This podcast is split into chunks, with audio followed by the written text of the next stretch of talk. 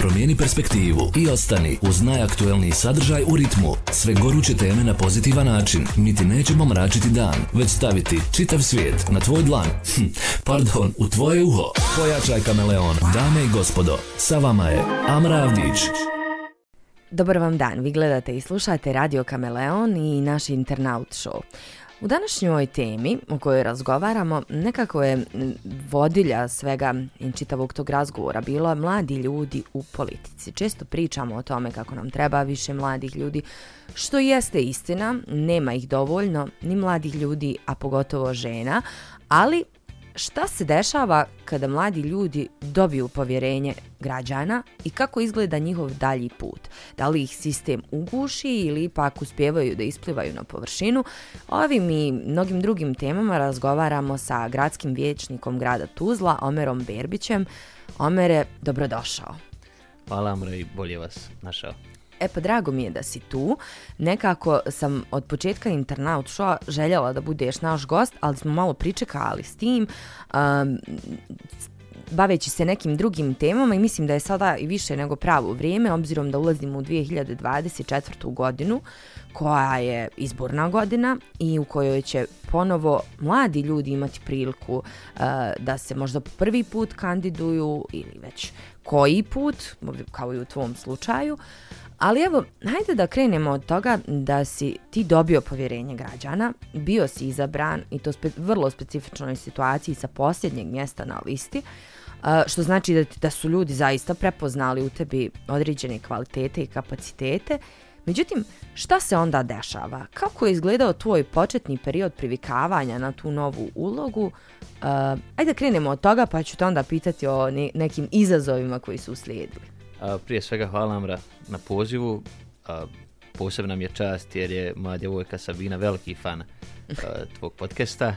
Hvala. I ovim, ovim putem je pozdravljam. A, prije nek što krenemo ovaj ofici, oficijalni dio i znam da će ona ovo slušati, bez obzira bio ja ili neko drugi. Ona moraš biti pažljiv. Ona onako religiozno sluša i, i ovaj, znam da je to baš čef. A, pa evo, upravo si, ja sam u politiku ušao sa nekim visokim ambicijama, moje ambicije se vežu isključivo za grad Tuzlu za sada. I kada sam ulazio u politiku, imao sam i taj teret e, uh, porodice za sebe, ali uh, isto tako jed, jednu vrstu uh, pozitivnog, uh, pozitivnog boosta za, za, za moju karijeru.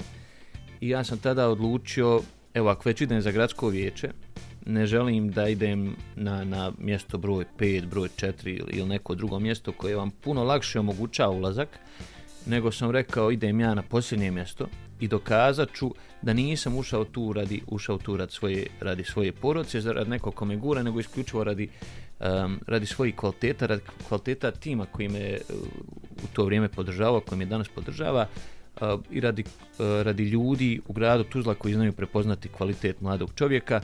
I evo nadam se da sam uspio na neki način opravdati opravdati uh, povjerenje građana koji su dali ne, ne mali broj glasova u tom trenutku ti si neko ko je i obrazovan za karijeru političara, dakle, završio si škole, što bi se kod nas u narodu kazalo za to.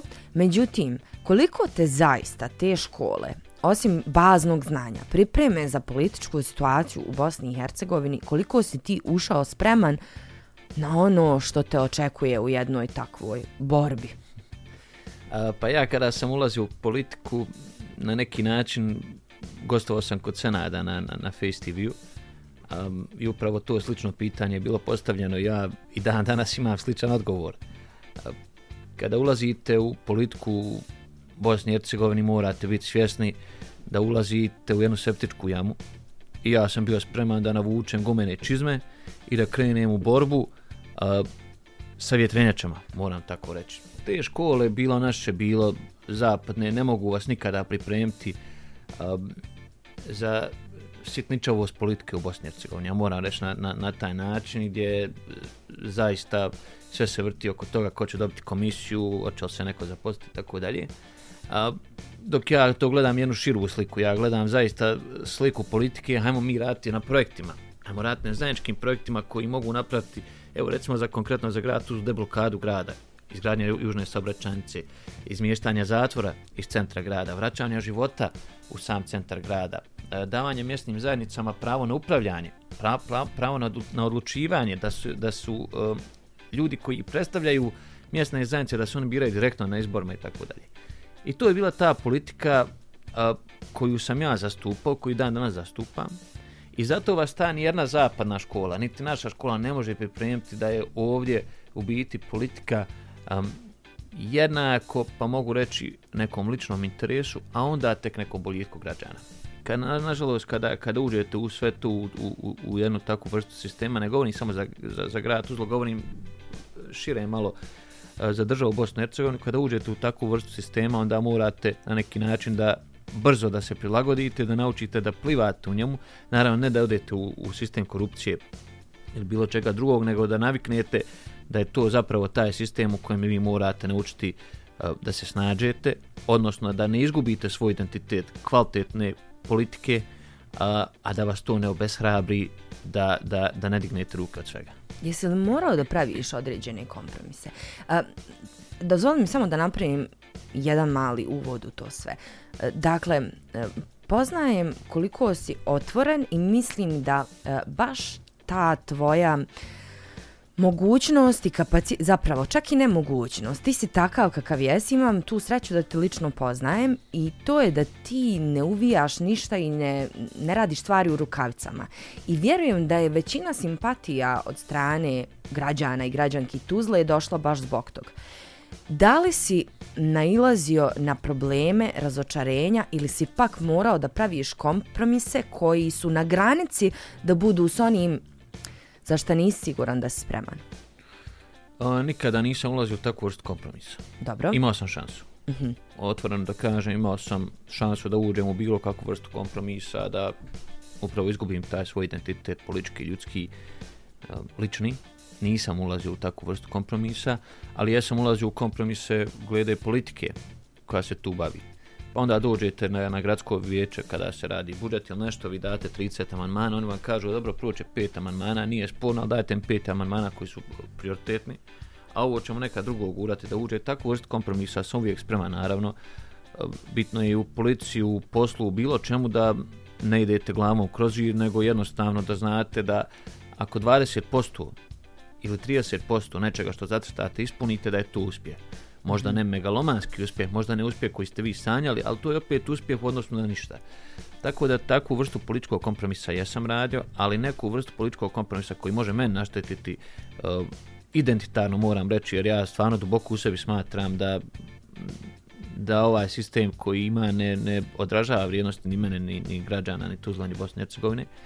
Um, na takvo nešto nisam bio spreman, na takvo nešto nisam do sada ovaj želio ulaziti. Uh, niti planiram ulaziti od sada, ali znate kako, ja sam u svojoj kratkoj političkoj karijeri, ali 28 godina dugoj ljudskoj karijeri, um, shvatio da politika ljude iskvari i da je ona inačica koja ima u narodu, dajete čovjeku moć na jedan dan da vidite ko je zapravo i šta je zapravo, da je ona je zapravo tačna, tako da um, ja ne mogu ni garantovati sam za sebe, a kamo za nekog drugog da se neće iskvariti, ali sve radim na tome da, da se ne iskvarim um, i da zaista ne popustim na tim principima zbog koji sam ušao u politiku, radi ljudi zbog koji sam ušao, koji su mi dali e, priliku prvi, znači to su prvi izbori za gradsko vijeće kada sam išao ljudi koji su mi dali prvi priliku a, njih ne želim da, da na neki način izgubim i želim da uvijek njima budem odgovoran na način kakav sam bio kada, kada sam ulazio u tu cijelu priču. Mm. Uh, Evo, spomenula sam na početku, obično kažu ljudi koji vode određene stranke, e, pa i građanstvo, trebamo mladih ljudi, dajte im šansu i tako dalje i tako dalje. Kakav je bio odnos starijih kolega? E, da li si tu vidio neki otklon prema upravo tvojim godinama i da nekako te ne uzimaju kao ravnopravnog učesnika u donošenju odluka koje bi trebale biti u interesu svih građana. Neovisno o tome je li tvoja ideja dobra ili možda nije, ali pogotovo kada je reč o dobrim idejama koje su potpuno jednostavne svima da su dobro rešenje. Kada govorim o odnosu starih kolega, vrlo jednostavno, on će vas poštovati onoliko koliko se vi nametnete. Evo opet kažem, ja sam relativno kratko vrijeme u policiji na svim nivoima, ja gledam starije kolege koji na neki način govore mlađim kolegama, šutite, dignute ruku u redu. Znači, govorimo unutar stranke, imate starije kolege koji vodi kompletnu priču i kao vi dignite ruku u redu, imate tu nebitno neku naknadu i to. Ja nikada nisam pustio da se bilo ko prema meni tako odnosi. Kada sam došao prvi put u stranku, rekao sam ja nisam ovdje da vam mičem stolce, da vam lijepim plakate po drvima i tako dalje. Ja sam došao ovdje da se bavim poli- politikom kvalitetno, politikom prije svega za mlade, jer vidim da mi raja ode. I prvi put kad su od mene tražili da idemo da nešto lijepimo plakate i tako dalje, ja sam rekao nije sporno, idete vi sa mnom. Prvi put kad vi odete sa mnom, idem ja s vama i na, mi zajedno lijepimo jer mi nije mrsko raditi. Jesi li imao posljedice zbog toga? uvijek Zbog tu- takvog načina verbalizacije stvari koje želiš i nećeš uvijek tu budu određene posljedice, ali opet kažem, posljedice su onoliko, onoliko koliko vi to dopustite. U policiji je to uglavnom, uh, kako bi rekao, uh, politika nije nešto opipljivo. Nije nešto što vi možete na neki način uh, kvantificirati. Ali je politika ono uh, neka ver, verbalna uh, verbalna profesija u kojoj vi opet kažem ukoliko pusti da, da vas neko na, na taj verbalni način uh, podištava onda vi dopustite sebi da se postavite inferiorno u odnosu, u odnosu na njih i naravno da ljudi mogu raditi s vama što, što žele. Um, ja, ekipa ljudi oko mene, mladi ljudi prije svega nismo to dopuštali, um, niti unutar stranke nismo to dopuštali unutar gradskog vijeća i nećemo to dopuštati uh, i dokle god ima mladi ljudi koji ovako razmišljaju, ja ih pozivam da uđu u politiku, bilo koju stranku i da se zaista ohrabre da na ovaj način pričaju sa starima, jer to što stari ne mora znaš da su pametniji i ne mora znaš da bolje znaju, vjerovatno to znači samo da su uljuljkali i da im je dobro na poziciji na kojoj, na kojoj jesu da, da, da nose odluke. Ja na to neću da pristanem, ja sam mlad, imam pravo da donosim odluke, imam svoje stavove i želim jednostavno da, da mladi ljudi ovdje dođu da na, na, na isti način ovo kažu. I nije problem da se napravi greška, pravio sam ja 10-20 grešaka u životu, to je sasvim prirodno. Ali isti 10-20 grešaka naučite. Zato sam ja 200 odluka donio koje su valjale i koji su ovim građanima donijeli nešto dobro. Kada vi šutite, ne možete građanima donijeti ništa dobro. Um, postoje neke stvari eh, koje si sam spomenuo vezano za inicijative koje si podnio, odnosno amandmane e, i neke od tih ideja bi običnim ljudima e, mogle zvučati kao pa megalomanske, mogle bi im zvučati kao nerealne. Neke od njih bi možda neki kazali pa jel nam to sad stvarno potrebno? S druge strane, bojim se da takvim komentarima mi u mladim ljudima gušimo uh, E, to da maštaju i da žele i da promišljaju e, šta bi moglo da bude bolje. E, čime ti hraniš motivaciju da nakon što ti jedna tvoja ideja lupam ne prođe, da se ne obeshrabriš i da ne padneš, da ne kloneš duhom, jer mi djeluje, htjela sam te pitati da li se u nekom momentu razočarao i da li ti je entuzijazam splasnuo, očito da nije, ali čime to hraniš? Šta je tvoj ključni uh, pogon na kojem radiš? Pazite, ko uđe u politiku da mijenja sjelce i, i krpi rupe na cesti, taj ne mora ući u politiku, nek uđe u mjesnu zajednicu. Ja ću mu vrlo rado pomoći da uđe u savjet mjesne zajednice i nek krpi rupe i nek radi sjelce. Naravno, I to je važan posao. to je dio posla. Tako je. Ja ga radim. To je 70% mog dana ja ljudima mijenjam sjelce i krpim rupe na cesti jer to je ljudima prioritet. Mm -hmm. Ali opet kažem, kuđe samo rad toga ne mora nju ulaziti. Ako ulazite u politiku u- nečeg što ste zasanjali, nešto što ste da se napravi. Ja sam zasanjao 3-4 velika projekta u gradu Tuzla, ja ću njih. Znači, to je da napravimo deblokade, ja živim u Šisel, vidim koja je blokada grada, da napravimo deblokadu kroz južnu saobraćajnicu, to je da uh, obnovimo centar grada. Vi znate, ja kada sam ulazio, svi se ovdje sjećaju, a, mislim oni nargila koji su se tamo cuclale po, po čarši, gdje je bila izvorna muzika puštana u gradu, gdje su neka bile korzijade, gdje se nije moglo proći kroz grad, danas nemate žive duše. Danas kad prođete nema više ti nargila. Zašto? Zato što smo uspjeli to da na neki način istjeramo. U grad sada kada prođete imate fasade koje su rolne, koje su se raspale, ja guram to da mi um, napravimo subvenciju za, te, za, za tu vrstu priče, da, da fasade obnovimo, a da se udare kazne vlasnicima koji imaju Eh, raspale i oralne fasade u centru grada. Ja guram tu vrstu priče da u centru grada nemate više prostora koji su uh, koji nisu iznajmljeni po, po mjesec dva, nego da su i tu kazne ljudi koji ne, ne iznajmljuje prostor, hoće 3-4 hiljade maraka mjesečno za taj prostor. Guram vrstu priče da prebacimo šalter sa alu gradske uprave u centar grada, da ljudi dođu da malo taj centar grada zaživi i ljudski. Jer mi kada smo tamo ist, eh, otjerali na Kajmak stancu i staru opštinu prebacili, mi smo taj dio grada uništili guram vrstu priče da zatvor opet kažem izmjestimo iz centra iz centra grada tu da napravimo IT zonu i da se napravi e, park za djecu i mame i tako da dobijete potpuno jedan novi centar grada. Guram vrstu priče dobijemo direktno izborom mjesne zajednice. Ko ne ulazi u politiku rad takvih projekata ne mora ni ući. Ulazi da se zaposli, da zaposli dijete, da, da riješi sebi neko životno pitanje, da riješi par rupa na cesti sjelce. To mi je, meni lično nije okej, okay, ja to ne mogu poštovati, ali mi je legitimno s njihove strane. Znači, ljudi kada iz svoje perspektive gledaju, legitimno je to. Ali meni nije okej. Okay. Znači, ko ulazi u politiku radi ideja, radi nekih velikih projekata, pa evo jedan projekat, ja opet kažem 20-30% da se ispostavi. Od, ova, od ovih 4-5 koji sam ja sada napravio. Jedan da završimo. To je više nego što je 95% vječnika završilo u svom životu. Tako da, to je moja motivacija.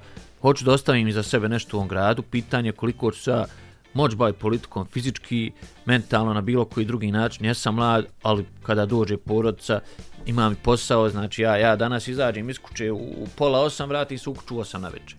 Naravno, to se neće moći kada dođe porodca, kada dođu neke druge obaveze, uh, ali evo, ideja je da probamo na neki način ohrabriti mlade ljude da uđu, da ovako razmišljaju um, kao ja, kao, kao, kao neki dio mojih kolega, jednostavno da mladi ljudi evo nastave taj dio koji, koji smo mi započeli. Koliko ti je teško pohvaliti uh, ili, ili reći to je dobro urađeno nekoga m, s kim si možda u političkom kontekstu bio na suprotnim stranama? Nije. Mene zaista nikada nije teško. Evo ja ću pohvaliti javno Jasmina Imamovića za Panoniku. Po, znači mi smo bili na suprotnim stranama i to je jedan fin projekat, korektan projekat. Pohvalit ću sada Zijada Lugavića da dosta radi na čišćenju grada pohvalit ću zaista sve moje suparnike koji na neki način um, rade i poboljšavaju, poboljšavaju stanje. Um, naravno, neću sada ovdje ulaziti u kritike, koji ima mnogo, ali hoću da kažem da meni zaista nije teško pohvaliti. Ali je li zato, to put to koji daje, mora ići naša politika? Naravno, ali to meni daje legitimitet. Kada kritikujem, da on ima svoju težinu. Naravno. Jer ja kada kritikujem, a nikada ne pohvalim, onda zaista nemate šta to, to je zaista nešto destruktivno koje nema nikakvog smisla. A kada kažemo, um, hajde da se prebacimo malo na društvene mreže, uvijek nekako sa našim gostima se referišemo uh, i na njih, važan su dio Internaut Show. Dakle, koliku težinu ima kada um, neki stariji sugrađani i sugrađanke um, komentarišu tvoje iskustvo na kontu... Ajde ovako, da malo preformulišem pitanje, ne želimo nikog ovdje da prozivamo. Uh, I meni je uvijek bilo paradoksalno, kao mladoj osobi, ja smatram da još uvijek, nes, da još uvijek jesam, jer i ti i ja gazimo te 20. godine. Uh, I kada napišu na konkursu za posao, tražimo mladu osobu do tih i tih godina sa pet godina radnog iskustva i ono kao, kako? E sad, kada neko krene da komentarše kako ti trebaš da ideš, ne znam, u školu, obdanište ili da ideš, izlaziš u grad umjesto da se baviš politikom jer si ti premlad, da ne iskoristim neku drugu riječ koja ne bi meni u ovoj ulozi priličila. Kako to komentarišeš? Da li te to izluđuje? Da li ti je smiješno? Kako, šta ti to govori o stanju našeg društva? uh, to je jedna, jedna sami sam sad, re, sad reći jednu izreku koju neću da kažem jer možda je malo uvredljivo za, ovaj, za javni prostor. Uh, ali hoću da kažem da su to ljudi uglavnom koji imaju um, životno iskustvo, um, ali koji nemaju dobru moć prosuđivanja. Jer kada sam ja u svojim 20. 30. godinama uvijek ću biti mladi. Kada to provođujem, bit će starije. Pa gdje je ta sredina? Razumijete, pitanje se postavlja, ok, mislim, ajde da mi, evo, da date tim ljudima da, jedan dan potpuno u moć u državi ja vam garantujem da oni ne bi znali šta da urade. Svi kažu hoćemo promjene, a oni ne bi znali šta da urade. Možda bi eventualno oni, oni ograničili da se može baviti politikom od 35. od 40. godine i dobro. Uh, ono što je zaista skupina jednih uh, zajedničkih karakteristika ti ljudi, ja kada ih vidim, to je da su oni svi kandovali u jednom trenutku svog života na izborima i da su dobili manje od 70-80 glasova i vjerovatno takva vrsta uvreda, ja to smatram uvredom jer ljude ne treba kvalificirati na nivou godina, eh, spola, seksualne orijentacije, bilo čega, nego na nivou svog rada. Um, iako čovjek radi dobro, treba mu naravno skinuti kapu. Ja ima, ima pet ljudi koji imaju iznad 70 godina, koji su u politici, oko politike, kojim ja skidam kapu jer znam da svaki dan rade 4-5 sata, su radili velike projekte. Um, ono što je uh, ja mislim da, da ti ljudi koji su ušli u politiku nekada nisu prošli, sada komentaršu kao mladi, bježi nešto šta radi, ti si ovaj pilić. A, mislim da je to pitanje možda čak i nekog kompleksa radi, radi želja i, i, i, i neki njihovi lični ambicija koje nisu mogli ispuniti. Onda vidi da, da momak od 25 godina uđe u gradsko vijeće sa, sa posljednje mjesta i nažalost žao mi je da takvog razmišljanja, ali moram reći da, da razumijem i, i kogod od njih želi evo da popije kafu nek dođe da mi objasni svoju stranu argumenta i ako su u pravu ja skidam kapu i ja ću sam povući iz politike. Pa da, ili evo ako ništa da dobijemo, zarad svih mladih ljudi koji žele ući u politiku da dobijemo u kojem vremenu je nama dozvoljeno da stičemo iskustvo pa da bismo onda bili relevantni. No dobro, da ne odemo previše u moje viđenje stvari. Um, Omere, ko te kao osoba, postoji li neka osoba koja je uticala na tvoju politi na tvoj politički identitet, a da bi je izdvojio u ovom trenutku, um, da je negdje ostavila ključni trag, negdje se vjerovatno nameće da će svi ljudi pomisliti da je to tvoj djed, odnosno bivši načelnik Tuzle Selim Bešlagić, Mm, je li, ako jeste on, na koji način te oblikovao? Šta je to ono najbolje što si uzeo od njega da bi iskoristio u, u ovom što danas jesi i što radiš? Pa jeste, ja mislim da je on daleko najviše ostavio svog utjecaja na moju politiku i ja mogu to s ponosom reći da je moja politika, odnosno politika koju pokušavam da vodim slično njegovoj to je neposredni kontakt sa građanima, jer on mi je rekao, ako ulaziš u politiku rad sebe, radi nečega, nemoj nju ulaziti i nemoj nikada da bi nekome preklopio slušalcu, nemoj nikog kogod da te zaustavi na ulici, nemoj da bi rekao, nemam sad vremena. Ako ulaziš u politiku, moraš biti svjestan a, da je neposredni kontakt s ljudima politika i da su to ljudi koji žive život u gradu i kome god da možeš da pomogneš, pomozi. No, to je tvoj I, posao. To je tvoj posao i na neki način mislim da je on taj dio politike najviše oblikovao kod mene i da me je zaista uvijek podržavao u svemu što sam radio u smislu verbalno, ne da je on nekog zvao pa uh, go lobirao glasajte za Omera da mi pomozite unuku i tako dalje nego jednostavno ta verbalna podrška jednog takvog čovjeka koji kaže Omere u pravu si, idi, idi, idi tim putem, mislim da je za mene lično, meni je lično, uh, lično na mene puno uticala. A kaže li ti nekada nisi u pravu? Kaže. I često. kako ti to prihvatiš? Pa prihvatim, naravno... Jel se nađete na sredini ili prihvatiš to postotno? Pa nađemo se neka na sredini, neka sto postotno se nađemo, jer ja zaista znam da neka nisam u pravu, ali ne mogu se pomoći, jer evo, mlad sam impulsivan, pa bože mu opet kažem pravim greške. Ali on kada mi kaže da nisam u pravu, ne desi se često, ali kada mi kaže da nisam u pravu, on, on, je, on je vjerovatno u pravu zato što to gleda iz jedne druge perspektive. Um, ali koliko god to bila jedna vrsta pomoći u politici velikog iskustva i onog što je da kažem što se ne može kupiti to je jedan, jedna vrsta tereta. E to sam htjela da te pitam. E, jer kada sam ulazio u politiku uvijek je bila priča ili tatin sin ili djedov unuk ili je, pa jesam nije sporno evo ja sam i tatin sin i djedov unuk i nenin unuk i unuk majke mace i, i rođak 10-15 ljudi i momak od Sabine i ja jesam sve, nije to uopšte sporno. I ponosan sam na to što jesam i to je dio mog identiteta. Um, ali su uvijek nađu naravno zlonamjerni jezici koji nađu selim ove greške iz 2001. pa meni pripišu ili nađu zlajne greške pa meni pripišu ili nađu greške no, nekog mog prav pra pradjeda pa meni pripišu nažalost to, to, je danas, to je danas politika iste te ljude koji to rade, ja i pozivam da nađu moju neku veliku grešku koju sam napravio i da je pripišu i da mi razgovaramo o tome, ali ja garantujem da ne mogu jer ja nemam oraha u džepovima. I nažalost uvijek moraju na neki način izvući moj porod kao argument protiv mene, što nije ni na jedan način korektno. I ono što je najgore, to rijetko kada rade lično. I to rijetko kada rade pravi ljudi, imenom, prezmenom, tu uglavnom rade botovi, radi se po socijalnim mrežama, radi se ispod žita, što bi naš narod rekao. A ja znam, naravno, ko to radi lično i po, po čijem nalogu, a ja nikada nisam dirao ni uču porodcu. A imam argumente, imam a, mogućnosti da ulazim u takvu vrstu priče. I kada bi ulazili u takvu vrstu priče, puno ljudi bi se fatalo za glavu i puno ljudi ne bi smjelo čaršijom proći od sramote. Ali ja neću u to da ulazim jer mislim da je porodca svetna su to ne dira.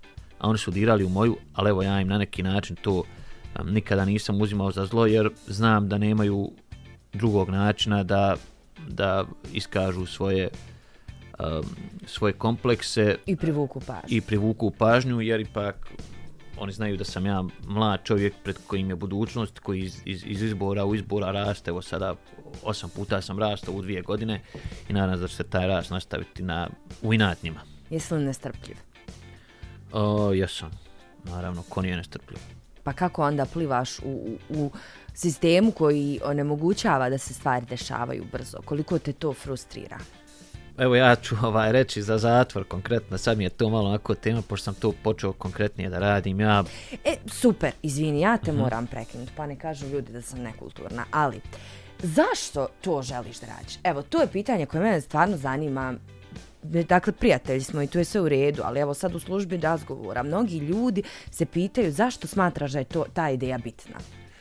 A, zato što svaki dan prođem pored nje, i zato što sam obišao puno svjetskih gradova i zato što u jednom svjetskom gradu nemate zatvor u centru grada. Jel razumijete vi absurd? Sigurnosni absurd. A, nebitno, prođete pored njega ružanje. Ružno je za vidjeti. Ulica koja prolazi od zatvora prema Kamalonu, prema katolskom školskom centru, naveče postane javni WC, a tokom dana ono postane parkiralište ili još, još gore naveče postane mjesto odakle se popnu prijatelji ljudi koji su u zatvoru da se dobacuju jedne drugima. Sigurnosni rizik u smislu da se dešavalo više puta da ljudi pokušavaju pobjeći ili pobjegnu okolo. Zato što nemate dovoljnu vrstu sigurnosti ili uslova za, za takvu jednu vrstu ustanove. Da, u suštini najveće, najveći problem je što je tu škola. Tako naj, je, imate školu. Blizini. Stara je zgrada, nije uslovna ni za te ljude koji su u zatvoru, ani za ljude koji dolaze u posjete, niti za ljude koji tamo rade. A na kraju krajeva mislim da tu imamo kapacitet da dovučemo 4-5 hiljada uh, radnih mjesta u IT-u, u tim mhm. novim industrijama koje su plaćene 2, 3, 4, 5 hiljada maraka i da ti 4, 5 hiljada radnih mjesta, ako tu napravimo poslovnu zonu koja će se baviti IT-em i firmama koje nadano rade office posao, i ako tu napravimo park, mislim da ćemo mi dovesti 4-5 hiljada novih ljudi u centar grada i da je to način da mi centar grada oživimo, jer će ti ljudi ići tu na kafu, tu će nešto ručati, tu će ići u shopping, jer im je blizu. Ako to uradimo, mi ćemo zaista centar grada Čašću, koji nekada bila ponos, oživjeti. To I je sada se vratimo ideja. na nestrpljenje i povežemo tu priču. E, da, da povežemo sa nestrpljenjem, ja sam ministarstvo pravde zvao 15 puta u zadnjih 20 dana. I naravno uvijek se neko javi, nije nadležan, kolega je, dajte broj kolege, kolega se ne javlja, kolega na odmoru, kolega vamo, kolega tamo. Uh, tako da... Zar vi političari nemate povlastice da vam se brže javljaju? A, ma to je samo kad vadim ove lične karte. ja znam se, naravno. Uh, a vidite, ja ću na kraju mora da iskoristim tu povlasticu. Koliko to absurdno bilo, ja ću morat na kraju da odem u Sarajevo, da ufatim nekog od ministara iz moje stranke i podruke da kažem ajmo vamo do ministra. Ja pokušavam zaista sve da radim kao običan čovjek, jer ako ne, ne, ne radite sve kao običan čovjek, vrlo, a, vrlo brzo vi izađete iz te matrice i postanete pri, privilegovana kasta i onda izgubite ono zbog čega ste ušli u politiku, zbog čega se borite. Tako i da kad želim da dođem eh, do nekog za korist građana, ja pokušavam opet zvati nekim normalnim kanalima, i uvijek sam sebe ovaj na neki način ošamarim jer izgubim 2-3 sata života ne završim ništa. Nažalost, um, na kraju ću ja morat u autu u Sarajevo da da dođemo da to probamo završiti. Um, Ali opet kažem, svaka ta ideja koju imam je povezana sa nekom širom slikom. Znači nije to samo izmještanje zatvora, to je pravljenje kompletno novog centra grada i vraćanje ljudi u centar grada, jer to mi je, to me onako boli, ja sam nekada, kada prije dvije, tri godine pa prođem uh, centrom grada, pa vidite one raspale zgrade, vidite onu tugu, jadi čemer, ali tada me u centar grada vuklo što je tamo bio kun zona koji je bio uvijek ispred svoje krojačke radnje sa džoletom i onda smo mi sjednemo, popijemo kafu, ja pojedem onu krempiton, pojede sladoled i ja nastavim dalje. E, kada je kom zona preminuo, ja više u centar grada ne, ne dolazim. Jer nema nikakvog razloga. Odem eventualno na kafu ujutro, e, kada stignem, ali to je to. Kažem, ja sam u centar grada dolazio zato što sam imao neku ličnu poveznicu. Sada više u centar grada ne dolazim jer nema više nikakve poveznice, a i nemam šta tu da, da vidim. I to me boli. Mislim da čaršija može izgledati lijepo kao je ona čaršija u Sarajevu, kao čaršija u Banja Luci, kao čaršija u mnogim bosansko-hercegovačkim gradovima, da ne govorimo šire o gradovima, gradovima u regionu. To me boli, to nešto što, što zaista ja želim da promijenim. Imaš li, evo baš smo pri samom kraju um, našeg razgovora, ali da li imaš dovoljno mladih ljudi s kojima možeš danas da sarađuješ u politici? Nema. Ka, ka, Nemam dovoljno jer nije nikad dovoljno. mm, kako bi onda pozvao sad mlade ljude koji možda su negdje na granici da li odabrati stranku, da li razmišljati da se kandiduju na izborima, jer eto možda smatraju da imaju šta da ponude, ali se boje tog sistema koji bi ih mogao progutati, uh, pogotovo zato što su mladi. Šta bi im preporučio? Neka dođu, bolje je da probaju ući politiku da zajedno mijenjamo sistem nego da moraju ići za Njemačku. Jer činjenica je, ako se ovako nastavi, ako nastavimo ovim tempom da se razvijamo, da ćemo na kraju svi morati, ja ću najvjerovatnije biti zadnji taj koji će sključiti svjetlo. Nek dođu, dajte da zajedno da probamo promijeniti sistem, dajte da zajedno uđemo u politiku, imat će moju vrstu zaštite, imat će zaštite svi ljudi na koji ja mogu računati i niko neće ništa smijeti, odnosno neće imati bilo kakav loš efekt u ulazku u politiku.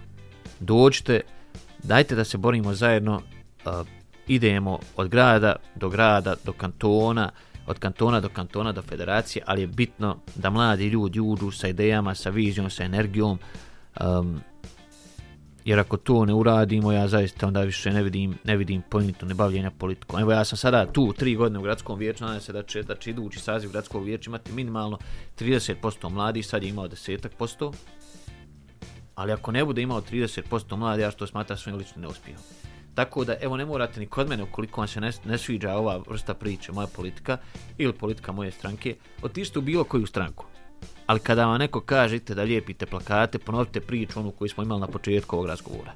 Recite im nešto da lijepi plakate, neću da mi, miče mama stolice, nego hoću da zbavim politikom i hoću mjesto broj 3, 4, 5, 6, 7 ili mjesto broj 30 pa i sve preskočite ušte u gradsko vijeće i borite se za stvar za koje, mi, za koje nas sve bole ovdje. Jer to je 90% stvari koje mlade bole su zajedničke stvari. A samo možda 10% su ono gdje se mi ideološki raskujemo. Da li će suca nazvat po ovom ili po onom? Da li će škola zvat po ovom, po onom? Da li će imati više časova vjeronauke ili više časova matematike? A zapravo sigurnost nam je ugrožena više nego ikada, evo imamo primjere. Krenimo samo od toga. Sigurnost, budućnost, sve nam je ugroženo. Da. Nemo, to je nažalost tako. Ja pozivam mlade da uđu da zajedno borimo. Hvala ti, Omere, što si bio moj gost. Hvala lijepo, bilo mi je drago. Evo, onako jedan iskren razgovor, nadam se da smo odgovorili na neka vaša promišljanja o tome kako izgleda život jedne mlade osobe koja je u politici i koja pokušava napraviti određene promjene i nadam se da vas ova priča pa donekle i ohrabrila, da ne mislite da baš sve mora biti samo radi stranačke iskaznice i za zarad nekih ličnih asitnih interesa, nego hajmo mijenjati ovu državu na bolje. Ostanite uz Internaut Show. Promijeni perspektivu i ostani uz najaktuelniji sadržaj u ritmu. Sve goruće teme na pozitivan način. Niti nećemo mračiti dan, već staviti čitav svijet na tvoj dlan. Hm, pardon, u tvoje uho. Pojačaj kameleon. Dame i gospodo, sa vama je Amra Avdić.